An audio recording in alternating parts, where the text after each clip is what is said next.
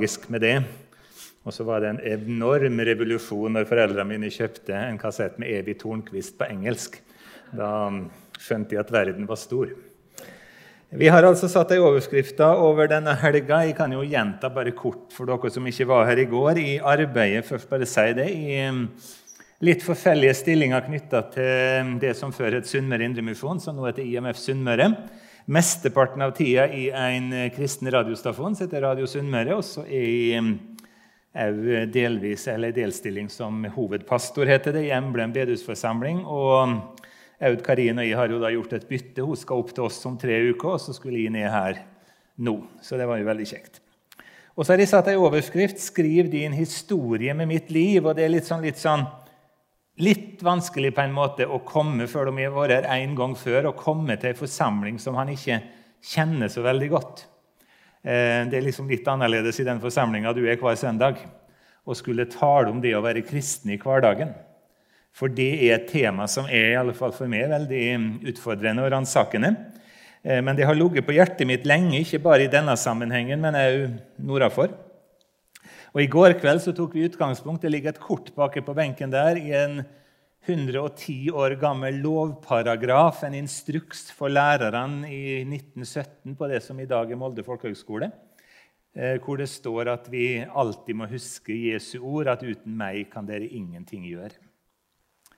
Um, og så er jo dette 'Skriv din historie med mitt liv', som i dag er satt som en overskrift. Det er jo en sang som noen av dere kanskje kjenner til, og en bønn om at det livet vi lever, det må være et lerret, om du vil, eller et ark hvor Gud får skrive den historien som han vil formidle til verden gjennom akkurat meg. Nå skal vi snakke om det å være utrusta. Senere i kveld skal jeg ta utgangspunkt i noe som er enda eldre enn en lovparagraf fra 1917. Da skal jeg ta utgangspunkt i et dansk dikt fra 1840. Jeg liker å lese historiske ting. Da skal vi snakke om 'På det jevne'.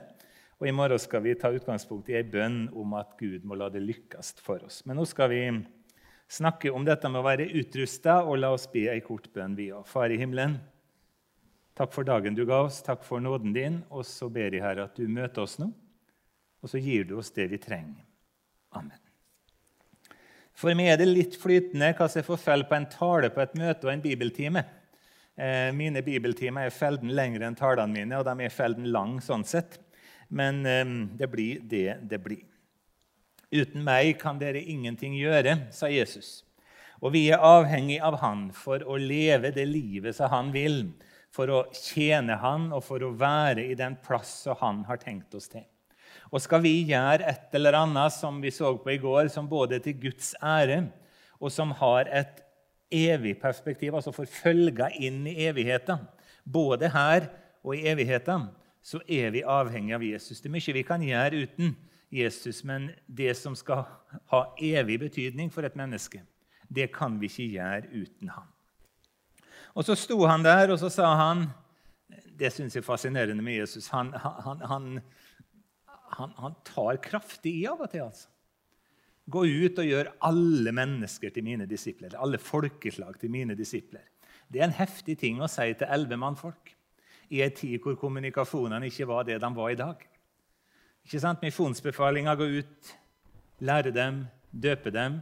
Men så er det jo at han sier da 'Jeg er med dere alle dager inn til verdens ende'.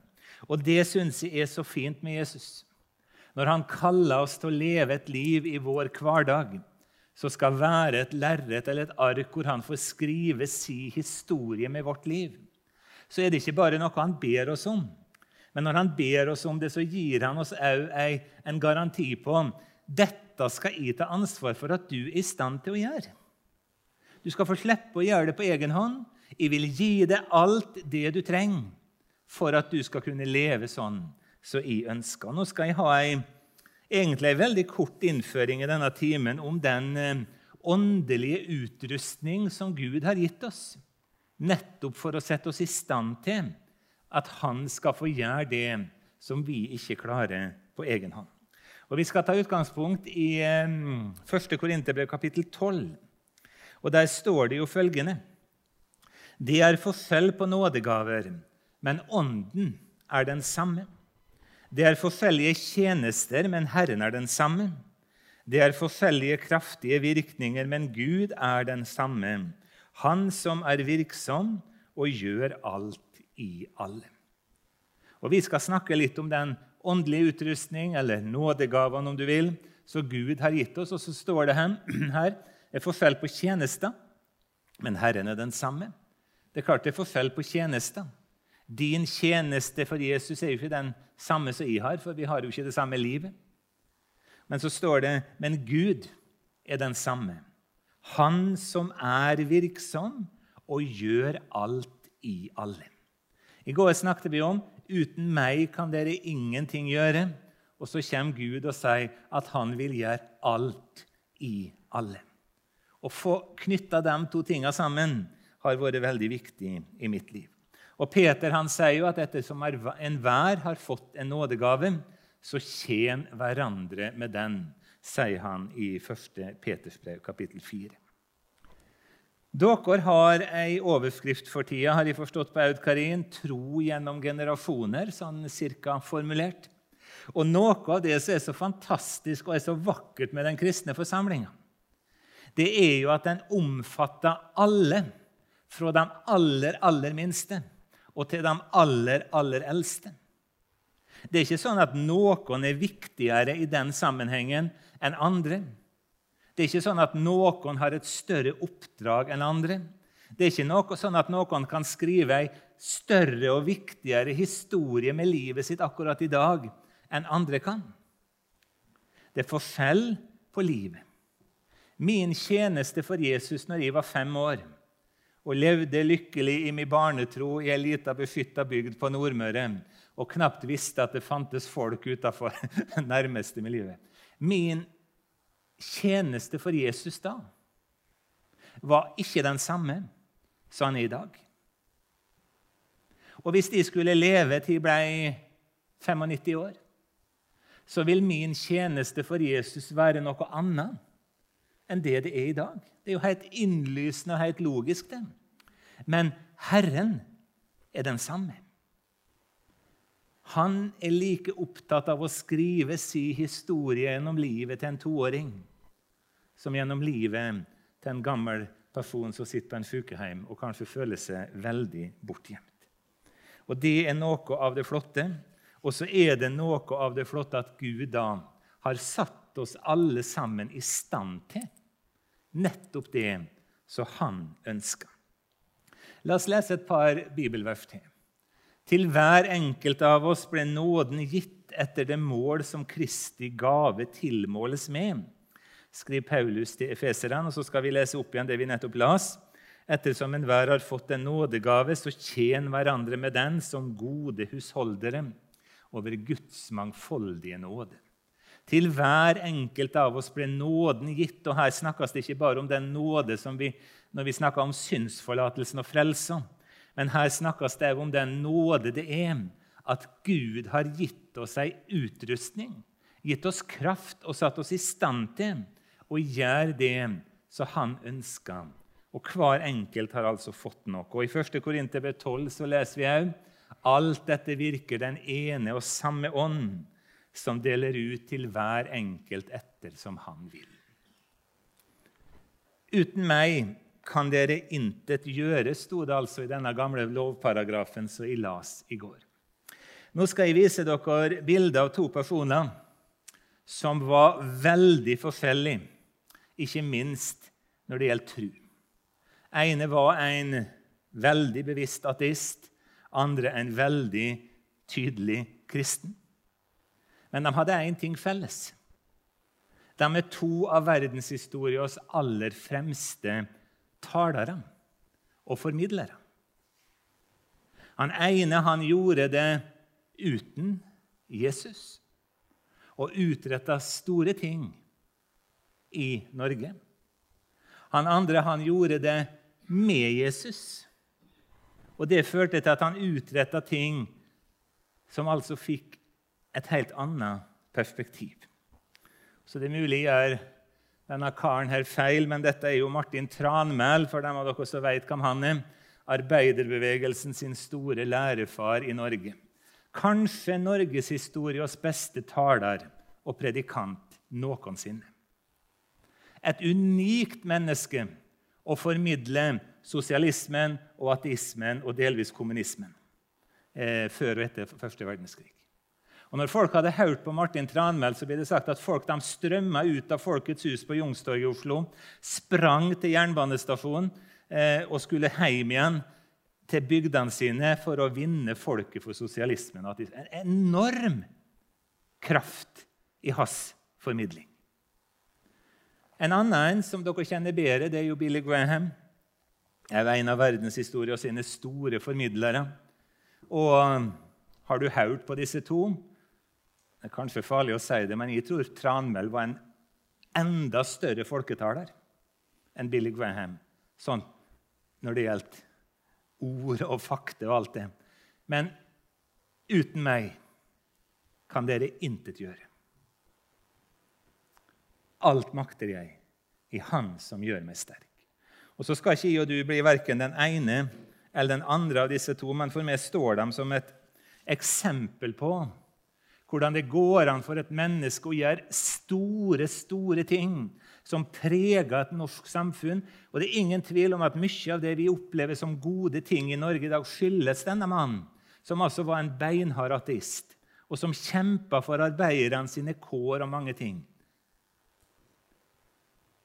Men så er det noe med det at det vi gjør Skal Gud få skrive sin historie i mitt liv, sånn at det faktisk fører til mer det er viktig nok til å forandre samfunnet vi lever i. Men Gud vil skrive ei historie som strekker seg inn i evigheten.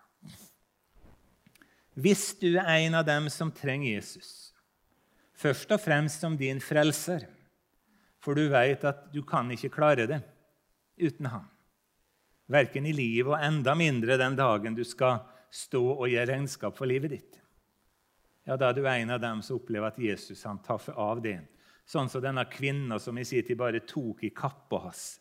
For hun visste at bare hun fikk komme borti Jesus, så ville noe skje. Og Er du en av dem som trenger Jesus, så snur Jesus det til deg. Det har han gjort for lenge siden, men i dag minner han oss på det denne ettermiddagen. Jeg har frelst deg, og så har jeg i tillegg til det gitt deg alt det som du trenger for å leve det livet som vi vil at du skal leve. Og det er ingen krav i Guds rike. Han auser ut, han gir rikelig. Til hver enkelt av oss blei nåden gitt etter det mål som Kristi gave utdeles med. Og så er det en del kristne, og det forundrer meg av og til, for det er en del kristne som har gått og hørt på kristne forkynnelse gjennom et langt liv. Iallfall har jeg møtt noen få. Og så kan de si det at det med nådegaver og den biten der, det tror ikke hjelper med. Og det er klart, Da har vi ikke helt fått med oss hva Jesus sier. For han har gitt det til oss alle. Og Nå skal ikke jeg ha noe sånn djup undervisning om nådegavene akkurat nå. Hvis du vil høre det, så må du komme til Romsdalen om 14 dager. Da kan du få, få høre mer om det, men det tviler jeg på at du gjør. Men det er klart at under Guds julegavetre så ligger det ikke bare én pakke. Når han deler ut til oss, så deler han ut raust og rikelig. Av mange forskjellige ting. Og så er det så viktig. Og det bildet jeg nå skal vise på veggen, det er litt skummelt å vise, for det kan gjøre at dere glemmer alt de sier, for det er jo et av verdenshistoriens mest fantastiske bilder. Eh, for dem av dere som har lest tegneserien Asterix og Obelix. Alle Asterix og Obelix-album, og det er nokså mange, de slutta med dette bildet der. Det er full fest i landsbyen, og alle er med, og alle er glad, unntatt én som er hengt opp i et tre og knebla, og det er landsbysangeren, eller skalden. For han synger så grusomt at folk nesten tar sin død av å høre på han, og han skjønner ikke at han ikke skal synge når det er fest. Noe av det vi kan lære i ei kristen forsamling ut ifra dette bildet, det er to ting. For det første, og det er det viktigste, vi skal hjelpe hverandre til å finne ut av hva er du god til. Hva har du å bidra med? Hva er dine nådegaver? Hva er din utrustning? For mange kristne, ikke minst kanskje i bedehussammenheng Vi har en sånn, i alle fall har vi det på Møre, vi har en sånn inngrodd beskjedenhet, i alle fall på Nordmøre, hvor jeg vokste opp. Vi må jo for all del ikke stikke hodet fram og si at vi tror at vi kan bidra med noe. Jo visst skal du stikke hodet fram. Hvis Gud har gitt deg noe som de andre trenger, og som Han vil at du skal bruke, så skal du jo ikke holde det for deg sjøl. Og hvis du ser at han eller hun de er jo flinke til noe Hun som sang her i går, f.eks. Folk må oppmuntres til dette har Gud gitt deg. Og dette skal du bruke. Og nå har du kanskje kommet inn i en ny fase. Du er blitt pensjonist, eller du er kanskje blitt gammel. Ja, livet er ikke sånn som det var før, men Gud har gitt deg noe, og du må bruke det. Det kan vi lære av dette bildet der. Og så kan vi lære noe som ikke vi skal gjøre fullt så ofte, men som må gjøres av og til. Hvor vi må si til noen at 'dette tror ikke du skal holde på med så mye'. Det er kanskje andre ting Gud vil. En gang i mitt liv folkens, har jeg sunget solo på et møte. Da kom det fram en gammel mann. Det er mange år siden. Og Så sier han følgende til meg. 'Du har da', sa han. 'Jeg tror du skal fortsette å forkynne Guds ord. Jeg tror Gud har gitt deg nådegave til det.' 'Men du må aldri synge solo mer', sa han. Det beste rådet jeg har fått i mitt liv. Helt alvorlig. En mann som hjalp meg. Kanskje kunne han sagt det litt mer, og hadde vært litt mer følsom, så hadde jeg kanskje blitt såra av det. Men det hjalp meg til å forstå her har Gud gitt meg noe. Men så har han ikke gitt meg kanskje så mye på en annen side. Og så skal vi hjelpe hverandre. Barna, f.eks. Og ikke minst når de begynner å bli litt større, 8-10-12 år. De har så mye som Gud har gitt dem, som vi andre trenger i vårt fellesskap. For at han skal skrive sin historie med mitt liv. Og Så skal jeg fortsette å vise dere morsomme bilder. Dette er sveitsergarden paven sine livvakter når de er kledd i sitt festantrekk. Og Disse draktene der, de er altså designa av ingen ringere enn Michelangelo, som har malt taket i Det sixtinske kapell. En av verdenshistoriens største malere, som hadde en særdeles dårlig dag på jobben når han tegna disse draktene her, vil mange av oss si. Hva kan vi lære av dette bildet, da? Jo, du som er på Flekkerøy bedehus nå, uansett hvor gammel du er du har fått ei drakt ifra Gud i himmelen. Ei åndelig utrustningsdrakt, for å si det sånn og bruke det bildet. Og den drakta, den er ikke ensfarga. Den har masse farger. For det er jo ikke sånn, for å ta meg sjøl, at fordi om jeg tror Jeg er nokså sikker på det fordi at folk har bekrefta at de har fått ei nådegave til å forkynne Guds ord, så er det, ikke, er det jo ikke sånn at det er det eneste de kan gjøre for Jesus. De ikke kan gjøre noe annet enn å stå på en talerstol. Det er jo helt forferdelig tragisk. Jeg kan faktisk gjøre veldig mye andre ting. Og Har du nådegave til å tale i tunge som enkelte har, så betyr det jo ikke at det er det eneste Jesus vil at du skal gjøre her i denne verden. Han satt der, Jesus, i sitt snekkerverft, eller Gud i himmelen, vår far. Og Så tenkte han på meg og så sa han, ja, hva trenger han? Jo, han trenger litt av den farga. Og så trenger han litt av den farga, og så trenger han veldig mye av den farga. Og så bare bitte litt av den der farga, så har med sang og musikk å gjøre. Og så sydde han den drakta som han ga med. Og som vi snart skal vise dere, helt spesialtilpassa til mitt liv til at han kan skrive si historie med mitt liv. Vi syns det der er et veldig fint bilde på det som Bibelen lærer oss om de åndelige gavene, om åndsutrustninga vi har fått. Ei fargerik drakt som ingen er lik, men som Gud har laga til oss. Og nå skal jeg endelig sitere litt fra denne sangen. Jeg lever ikke lenger for meg selv, men for deg, Jesus, du min venn og Herre. Så la din vilje skje, ditt rike komme, på hvert sted du leder meg i livet. Fullfør det du skapte meg til å bli. Skriv din historie med mitt liv. Og så er livet vårt ikke sant, fra vi er bitte, bitte små, og til vi en dag i en eller annen alder går ut av denne tida og inn i evigheten, så forandrer det seg. For mange år siden så hadde jeg tjeneste som forsamlingsleder i Molde bedehus. Jeg var der i ni år på 90-tallet. Og Da ble jeg pålagt, og det var en kjekk ting å bli pålagt, og jeg skulle gå og besøke en del av de gamle og syke. Og Da ble jeg kjent med ei dame som heter Magnhild. Og Magnhild hun var over 90 år gammel, var blitt eh, skrøpelig. Hadde måttet selge leiligheten sin og flytta på sykehjemmet og hun var nedfor. Hun følte seg så glemt, ikke av mennesker, men av Gud.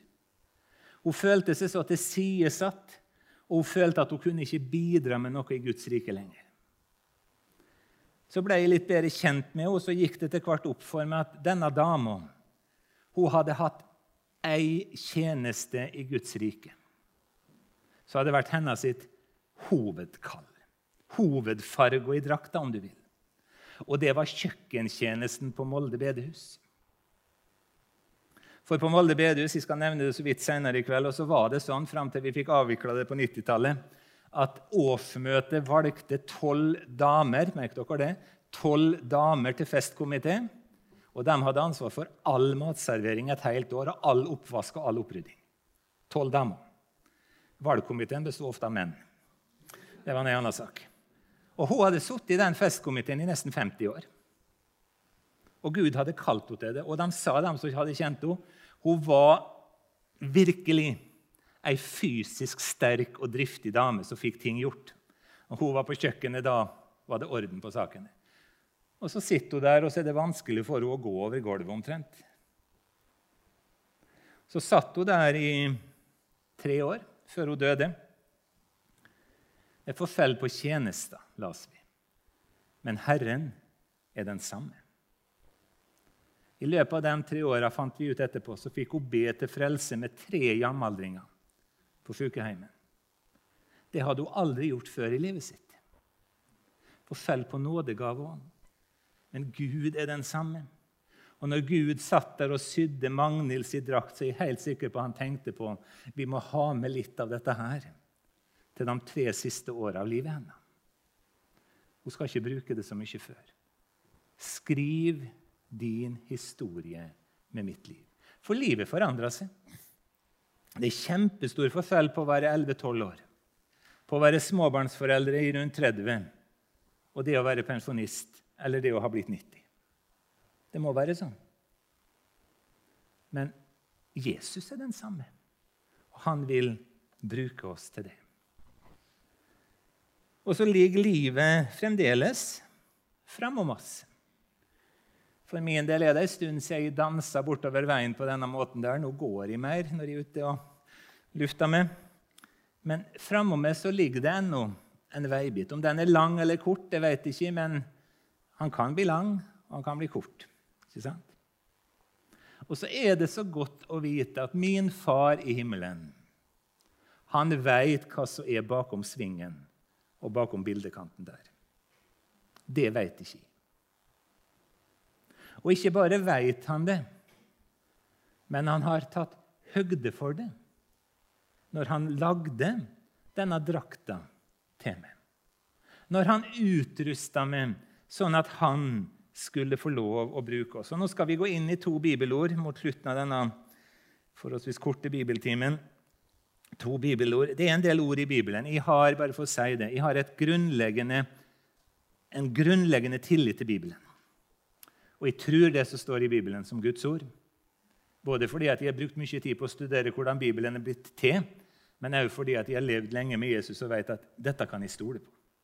Likevel så er det ting i Bibelen som jeg syns er vanskelig. Det er én ting. Og så syns jeg det er ting som det, det blir for stort for meg, rett og slett. Og De to versene jeg skal dele med dere nå, de blir litt for store for min forstand, men jeg er veldig glad for at det er sant. Efeserbrevet 1. I Kristus utvalgte han oss før verdens grunnvoll ble lagt. Før verdens grunnvoll ble lagt er et uttrykk som er brukt i, alle fall i en del norske bibeloversettelser. Hva betyr det? Jo, det var før første Mosebok kapittel 1. før Gud skaper universet i sin store, store uendelighet for oss. Da skjedde det noe. For mange år siden var jeg leder på leir. Det har vært mye i livet mitt, og det er kjekt. Så kom det en tenåring bort til meg. Han skulle prøve å sette meg litt fast. og det er jo ikke så vanskelig, Men den gangen så fikk jeg et svar på impuls, så jeg er helt sikker på at Gud ga meg. For han sa, 'Du', sa han, 'du som veit så mye', sa han. Og Så smilte han, så jeg var ikke helt sikker om han mente det. Men han sa iallfall det. 'Hva gjorde Gud på før han skapte verden?' Hva gjorde Gud på før han Og vet du hva jeg svarte? Han satt og tenkte på det, seg. Og det er faktisk helt sant. Jeg var så imponert over det svaret at jeg måtte virkelig takke Gud for at han ga meg det. Han satt og tenkte på det, for det gjorde han. Det står her. Før Gud skaper universet, så gjør han et valg. Han valgte det. Han valgte det ut til å bli den du er. Det er ingen mennesker som er født inn i denne verden uten at Gud den gangen i evigheten tenkte på dem og valgte dem. Det har jo med menneskeverd og menneskeverdi og veldig mange ting. Og så satt Gud der, jeg i min litt eh, barnslige forestilling kanskje, og så gledde han seg virkelig til den dagen sola skulle snu, den 21. juni 1967. Den dagen så Gud fram til. Klokka 21.04 ifølge om ord. Da så jeg dagens lys. Det hadde Gud gledet seg lenge til. Mye lenger enn mamma og pappa hadde gjort. For han hadde valgt meg ut. Og så begynner livet mitt. Og det varer fremdeles. Og så står det videre i Efeserbrevet 2.: Vi er Hans verk, skapt i Kristus Jesus til gode gjerninger, som Gud på forhånd har lagt ferdige for at vi skulle vandre i dem. Og Her står det om noe som Gud har gjort på forhånd. Hva betyr det, da? Jo, det betyr på forhånd. Altså før jeg begynte på livet mitt, så hadde Gud ikke bare tenkt at de skulle bli til, men han hadde tenkt gjennom den veien jeg skulle vandre i livet. Ikke nødvendigvis sånn tror jeg, at Gud hadde bestemt hver eneste liten detalj. Men han hadde sett på livet mitt, og så hadde han visst det at når jeg ble så og så gammel, så ville jeg få en ny livssituasjon osv., og, så videre, og så ville du kanskje bli gammel en dag. Og så så han det. Og når han satt og så på den veien, så begynte han altså å sy denne drakta di. Og så ga han deg det du trenger til hele livsveien din. Og det du trenger hvis du blir 90 år Det er ikke sikkert du har for mye av det i dag, men Gud har tatt høgde for det. Han har utrusta det. For han vil skrive sin historie med ditt liv hele veien. Og så la han noen gode gjerninger ferdig for at vi skulle vandre inn i dem. Og Personlig er jeg av og til tror jeg, mer opptatt av å gå utenom de mulighetene Gud har lagt fram om meg, enn å benytte dem. For du skal ikke tenke som så at det var helt tilfeldig hvem du traff på butikken. Eller at det var helt tilfeldig, det som skjedde der og da. Hva mye av det Gud har tenkt i detalj, det vet jeg ikke. Men du har en Gud som har utrusta deg for hele livsveien din.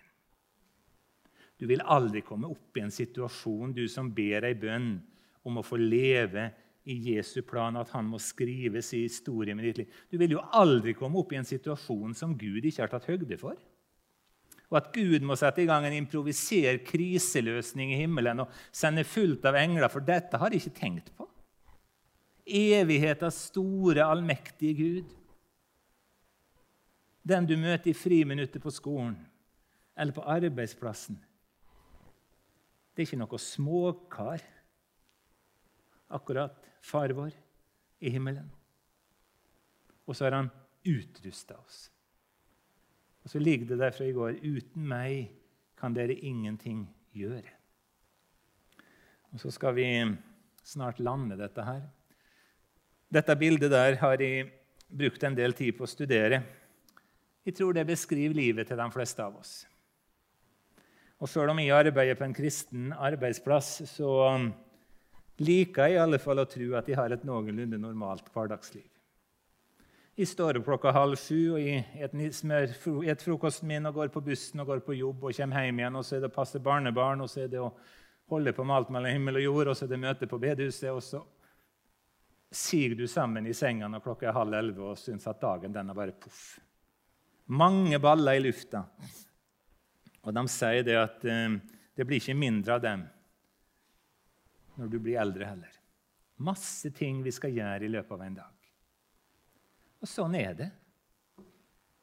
Og så er det så godt synes jeg, å få lov til å minne meg sjøl på Ja, i dag har ikke jeg hatt tid til å tenke så veldig mye på kristendommen. Jeg har ikke hatt tid til å tenke så mye på Jesus, for det har sannelig vært nok andre ting å tenke på. Men han visste jo det, han, at denne dagen kom til å bli sånn. Og så ga han meg noe, og så har jeg kanskje fått lov å gjort noe for han uten engang å ante det. Fordi han, han, ba oss ikke bare å gå, han sa ikke bare at han ville bruke livet vårt, men han utrusta oss nettopp til å være. Og Så skal vi avslutte med å lese fra 1. Korinterbrev 14. og Vi skal bare lese noen få vers hvor jo Paulus da i tre kapittel, kapittel 12, og 13 og 14 i 1. Korinterbrev, underviser om nådegaven og den åndelige utrustninga nokså detaljert. Og så sier han Søk åndsgavene med iver, eller søk med iver å få de åndelige gaver, så det sto i den forrige bibeloversettelsen. Hvordan kan jeg med iver søke etter å få det som Gud allerede har gitt meg? Jo, da tror jeg svaret ligger i kapittel 6 i Esaias-boka, hvor en ungdom står for Gud, og så sier han, 'Her er jeg. Send meg.' Djupest sett er det det eneste Gud noensinne ber deg om når du har tatt imot ham. Det er at du ber den bønna. Her er jeg, send meg. Så tar han hånd om alt det andre. Og så gir han oss det vi trenger. Men det er ei lita utfordring for oss å ha den innstillinga til Herren. La meg få lov, Jesus, å gå inn i de gjerninger som du har lagt oss til. Det skal vi snakke mer om i morgen. Og bruk meg, sånn at du får skrive de historier med mitt liv. Sånn at de som måtte møte meg i løpet av en dag, ikke bare møter en trivelig kar, for det håper jeg de gjør, og at jeg ikke bare er dyktig i jobben min, for det håper jeg at det er, men at Gud når dem på en måte som ikke jeg forstår, med det som de trenger. Herre Jesus, skriv de historiene i våre liv.